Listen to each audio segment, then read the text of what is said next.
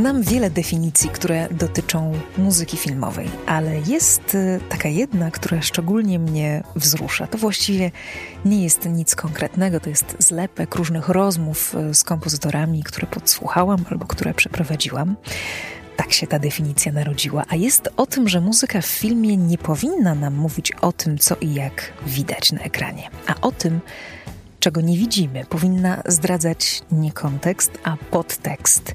Nie opowiadać o tym, że karoca pędzi przez las, ale o tym, kto jest w środku. Krótko mówiąc, nie powinna być o tym, co robi bohater, a o tym, co ten bohater czuje.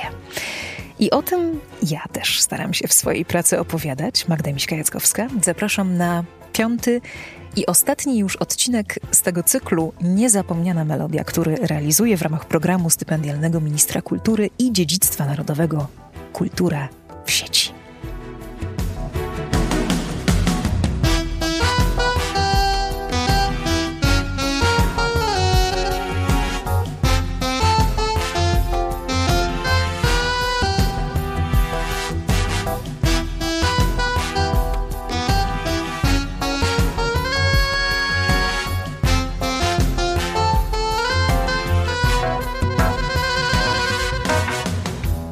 Razu zachęcam, sięgnijcie wstecz. Wszystkie odcinki podcastu są cały czas e, dostępne wszędzie tam, gdzie przyjemnie się słucha, czyli na Spotify, na Google Podcast, Overcast, Apple Podcast, e, a także na YouTubie.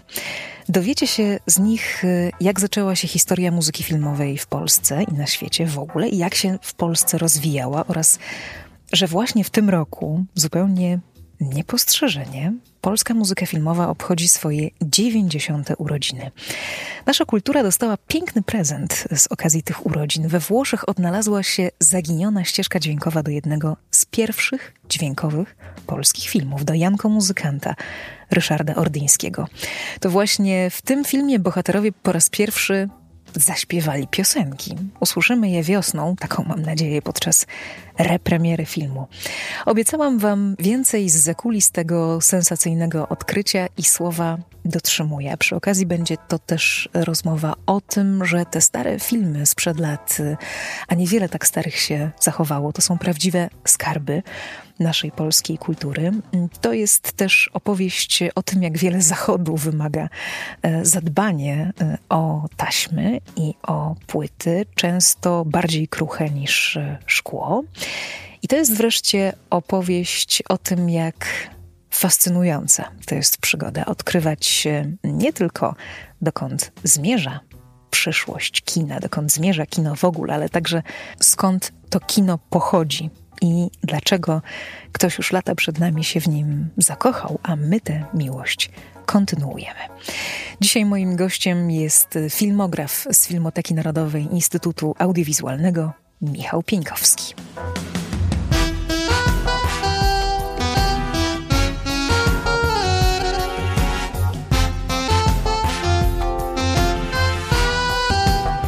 Znalezienie dźwięku do Janka Muzykanta to jest bardzo cenne znalezisko i to pod wieloma względami. Przede wszystkim jest to obecnie najstarszy zachowany polski film dźwiękowy, który zachował się z dźwiękiem.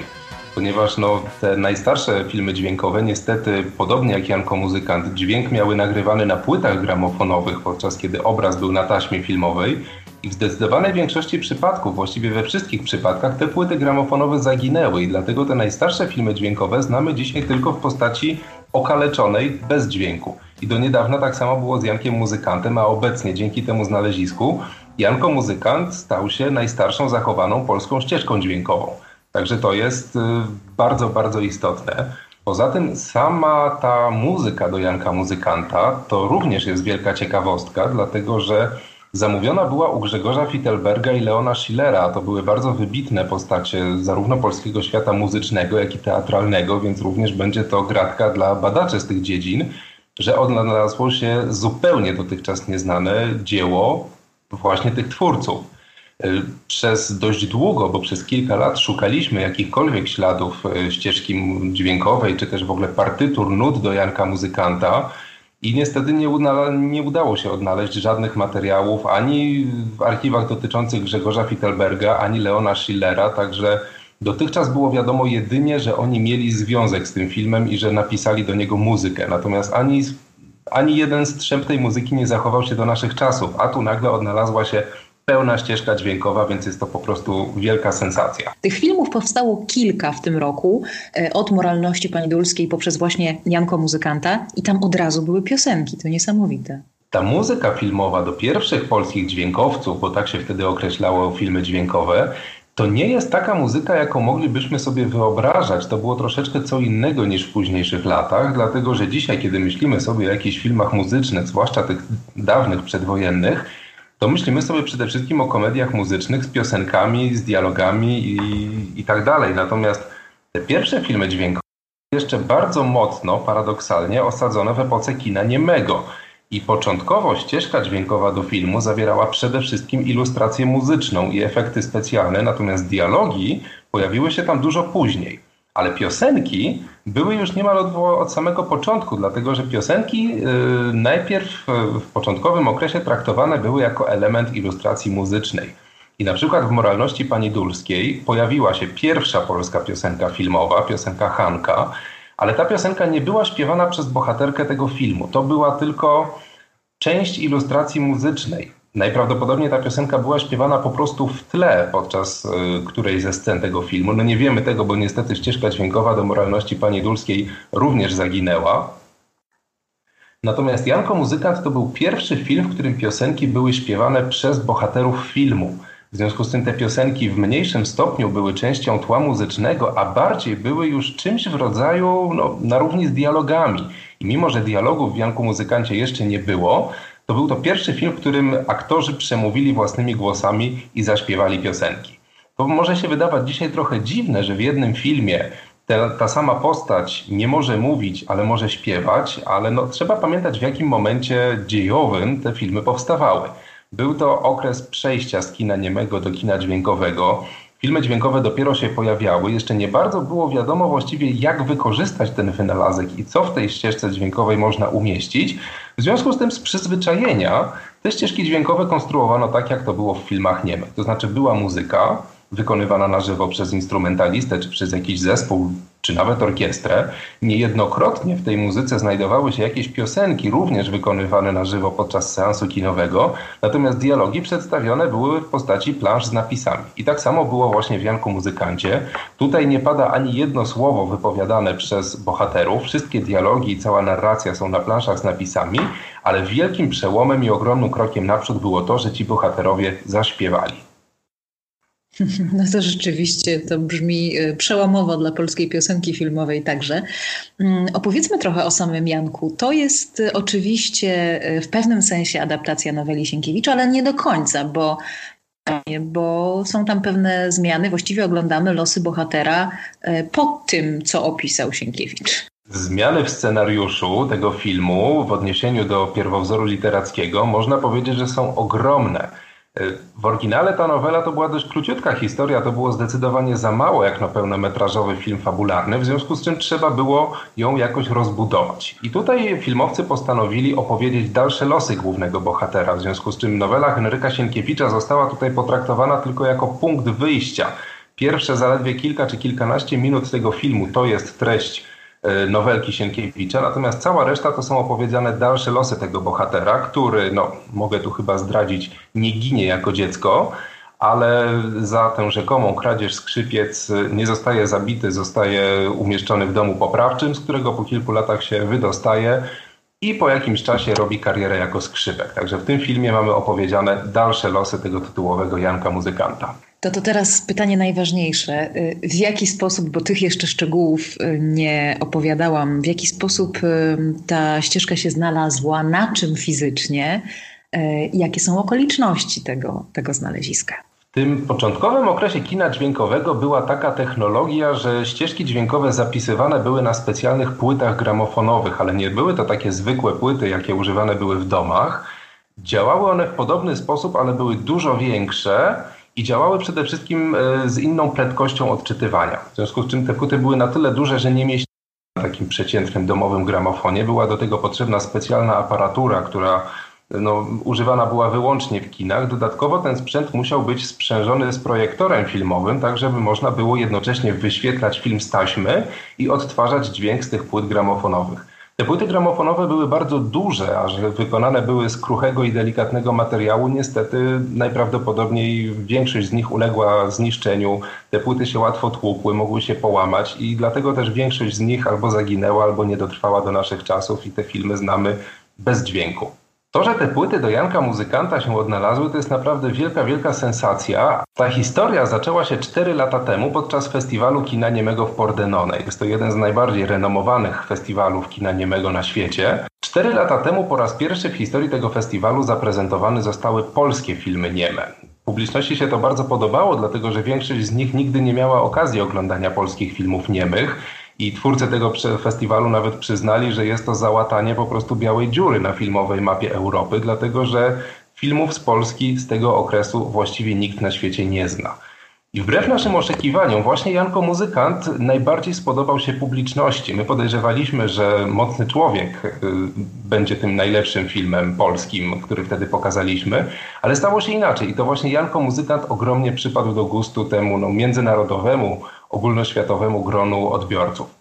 Dlaczego w ogóle pokazaliśmy Janka Muzykanta na festiwalu kina niemego? No właśnie dlatego, że ten dźwięk był zaginiony, a ponieważ y, filmy dźwiękowe w tamtym czasie realizowane były w taki sposób, że mogły funkcjonować bez tego dźwięku, że najistotniejsze y, części, dialogi, narracja były przedstawione przy pomocy planż z napisami, można było tę ścieżkę dźwiękową zastąpić po prostu muzyką wykonywaną na żywo. I tak też te filmy dotychczas funkcjonują. Janko Muzykant również w takiej postaci był jak dotąd wyświetlany i w takiej postaci był zaprezentowany na festiwalu w Pordenone. I właśnie dzięki temu, że Janko Muzykant tak bardzo spodobał się międzynarodowej publiczności, o tym filmie zrobiło się głośno. Zaczęto o nim pisać w zagranicznej prasie. Dowiedzieli się o nim archiwiści i entuzjaści kina niemego no właściwie na całym świecie. I właśnie dzięki temu szumowi medialnemu udało się dotrzeć do prywatnego kolekcjonera, który miał w swoich zbiorach jakieś płyty gramofonowe, na których etykietach był tytuł Janko Muzykant skojarzył te, te tytuły. Kiedy usłyszał o filmie Janko Muzykant, y, przypomniał sobie, że ma po prostu płyty z takim tytułem i że może one mają z tym filmem jakiś związek. No i okazało się, że mają, że to są właśnie te oryginalne płyty z początku lat 30., na których nagrana jest prawdziwa ścieżka dźwiękowa do Janka Muzykanta. Udało nam się z nim skontaktować, odkupiliśmy od niego te płyty, sprowadziliśmy do Polski i obecnie trwają prace nad rekonstrukcją tego filmu już w dźwiękowej postaci. Mhm. To jeszcze chciałam zapytać, ile osób nad tą rekonstrukcją pracuje, jak wygląda taki, taki zespół, czy do tych płyt szelakowych, bo ja wiem, że to są płyty szelakowe, bardziej kruche niż szkło podobno, potrzebny jest jakiś, przepraszam, kombinezon albo jakieś specjalne warunki, żeby traktować ten cenny skarb jak skarb y, właśnie. I ile ta praca jeszcze, jeszcze potrwa? Co tam trzeba fizycznie zrobić? Praca w ogóle nad rekonstrukcją przedwojennego filmu to jest proces bardzo skomplikowany, wieloetapowy i złożony, dlatego że zaczyna się od konserwacji tej zabytkowej taśmy filmowej i jej przygotowania do skanowania, co niejednokrotnie trwa bardzo, bardzo dużo czasu. No, taka praca może trwać nawet miesiącami, jeżeli ta taśma jest bardzo mocno zniszczona i w złym stanie zachowana, a niestety jedna z kopii Janka Muzykanta jest bardzo mocno zniszczona. Ta taśma już jest we wczesnym stopniu degradacji, w związku z czym praca nad nią jest bardzo skomplikowana i wymagająca bardzo dużo czasu. Skanowanie tych taśm również musi się odbywać bardzo delikatnie i powoli, a następnie rekonstrukcja cyfrowa obrazu oraz dźwięku w tym przypadku, to także są procesy, które mogą trwać bardzo długo, ale to akurat zależy od tego, jakie granice i jaki zakres tych prac sobie na samym początku ustalimy. Janko Muzykant jest filmem dla nas na tyle istotnym, który zyskał już rozgłos międzynarodowy, że postanowiliśmy poddać go pełnej, jak najdalej idącej rekonstrukcji, zarówno jeśli chodzi o obraz, jak i o dźwięk. Te prace trwają już od kilku miesięcy, ale potrwają jeszcze kolejnych kilka miesięcy, Planujemy zakończyć te prace w kwietniu przyszłego roku i jeśli wszystko jeszcze dobrze pójdzie, to w kwietniu 2021 roku podczas Święta Niemego Kina zaprezentujemy już odrestaurowaną cyfrowo wersję Janka Muzykanta. Prace nad tymi płytami gramofonowymi to również było dla nas bardzo duże wyzwanie, dlatego że w Polsce jeszcze nigdy wcześniej z takim materiałem właściwie nie były żadne prace prowadzone, dlatego że takich płyt po prostu nie ma. Te płyty ze ścieżką dźwiękową do Janka Muzykanta to jest pierwszy taki obiekt w naszej kolekcji, a nasze archiwum istnieje już od ponad 60 lat i dotychczas takie płyty po prostu nie trafiły do nas, nie odnalazły się nigdzie w Polsce ani za granicą, więc tym bardziej jest to bardzo, bardzo wielki skarb. A ponieważ no, jest to tak wyjątkowy nośnik, ponieważ te płyty gramofonowe stosowane były zaledwie przez kilka lat w kinematografii, na początku lat 30. został już udoskonalony zapis dźwięku na taśmie filmowej i mniej więcej od 1932 roku filmy nagrywane były i ścieżki dźwiękowe do filmów nagrywane były już na taśmie filmowej, w związku z czym ten system z wykorzystaniem płyt gramofonowych był w użyciu przez bardzo, bardzo krótko, zaledwie kilka lat. Nie ma w Polsce aparatury do takich płyt gramofonowych, Musimy, musieliśmy ją sprowadzić z zagranicy po to, żeby w ogóle móc odczytać tę ścieżkę dźwiękową. No to się na szczęście udało i obecnie trwają prace nad rekonstrukcją dźwięku do tego filmu i nad połączeniem tego dźwięku z obrazem.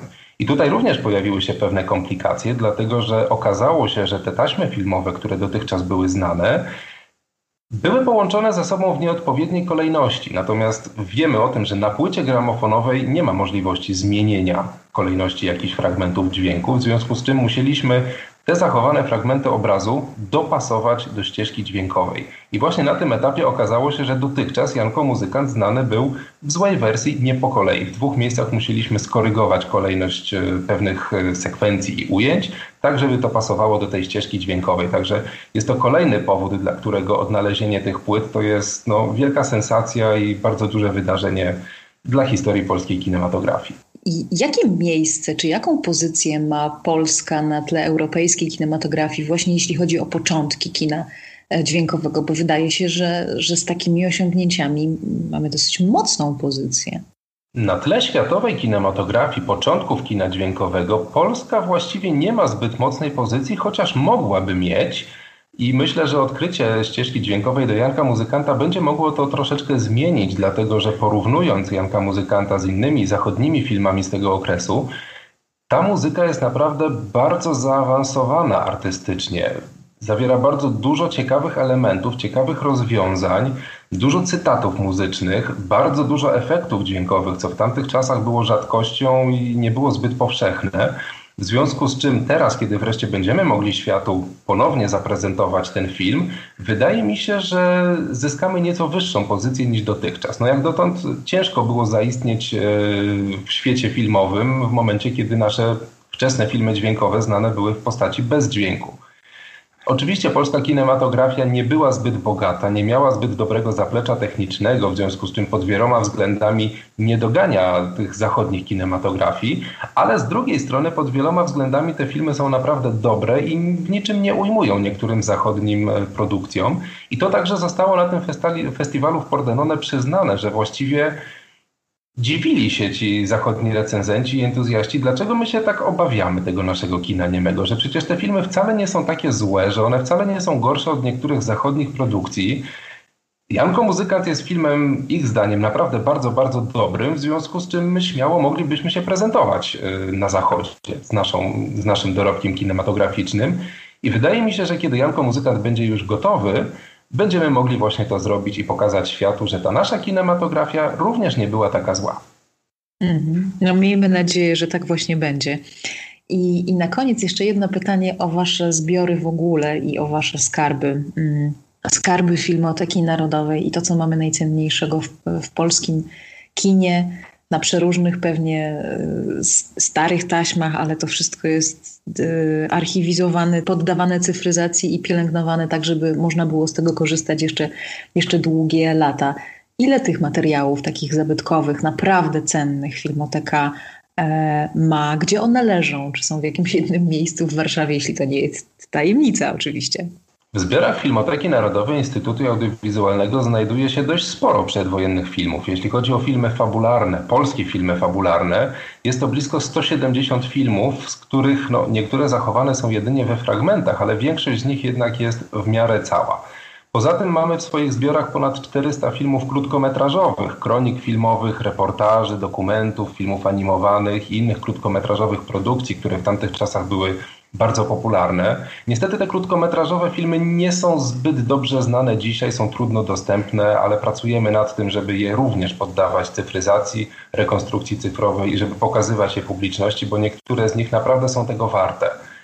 Nie wszystkie z tych filmów niestety dotrwały do naszych czasów na tych oryginalnych przedwojennych nośnikach. Archiwistyka filmowa właściwie od zawsze polegała na kopiowaniu filmów i niektóre z tych filmów e, dotrwały do naszych czasów właśnie tylko w postaci tych późniejszych kopii. Głównie dlatego, że w latach 50. ze względów bezpieczeństwa te przedwojenne taśmy filmowe zostały wycofane z użytku, ponieważ były wyprodukowane z bardzo silnie łatwopalnego materiału i wyświetlanie ich w kinach było po prostu niebezpieczne.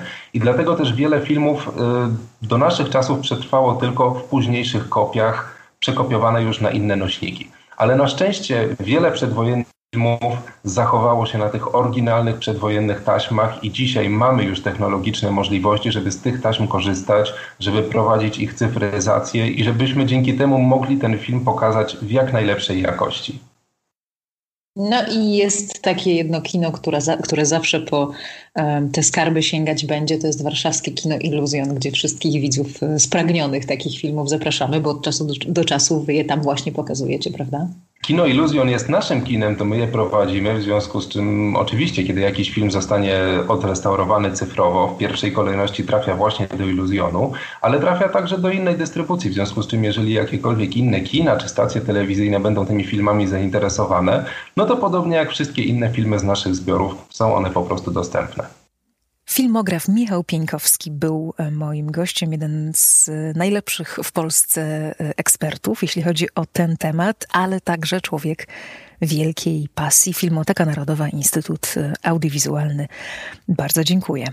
No i tak 90 lat po narodzinach kina dźwiękowego i muzycznego w Polsce jesteśmy naprawdę ważnym ośrodkiem na mapie świata. Po pierwsze, dlatego, że wciąż mamy takie skarby, oczywiście, ale także dlatego, że to w Polsce, w Krakowie się urodził Festiwal Muzyki Filmowej. Mm, zdaniem wielu najlepsza taka impreza na świecie, która ściąga gwiazdy, fanów, ludzi, którzy edukują, szkolą, promują muzykę filmową i zajmują się tym tematem z przeróżnych e, stron, ale w roli głównej zawsze jest muzyka grana czy jakby ożywiana podczas e, koncertów e, na żywo przed oczami i uszami e, publiczności, która tego mocno pragnie. A Festiwal Muzyki Filmowej jest nie tylko ważnym koncertowym e, miejscem, ale także cennym wsparciem dla wszystkich tych, którzy w Polsce postanowili rozpocząć przygodę z muzyką filmową.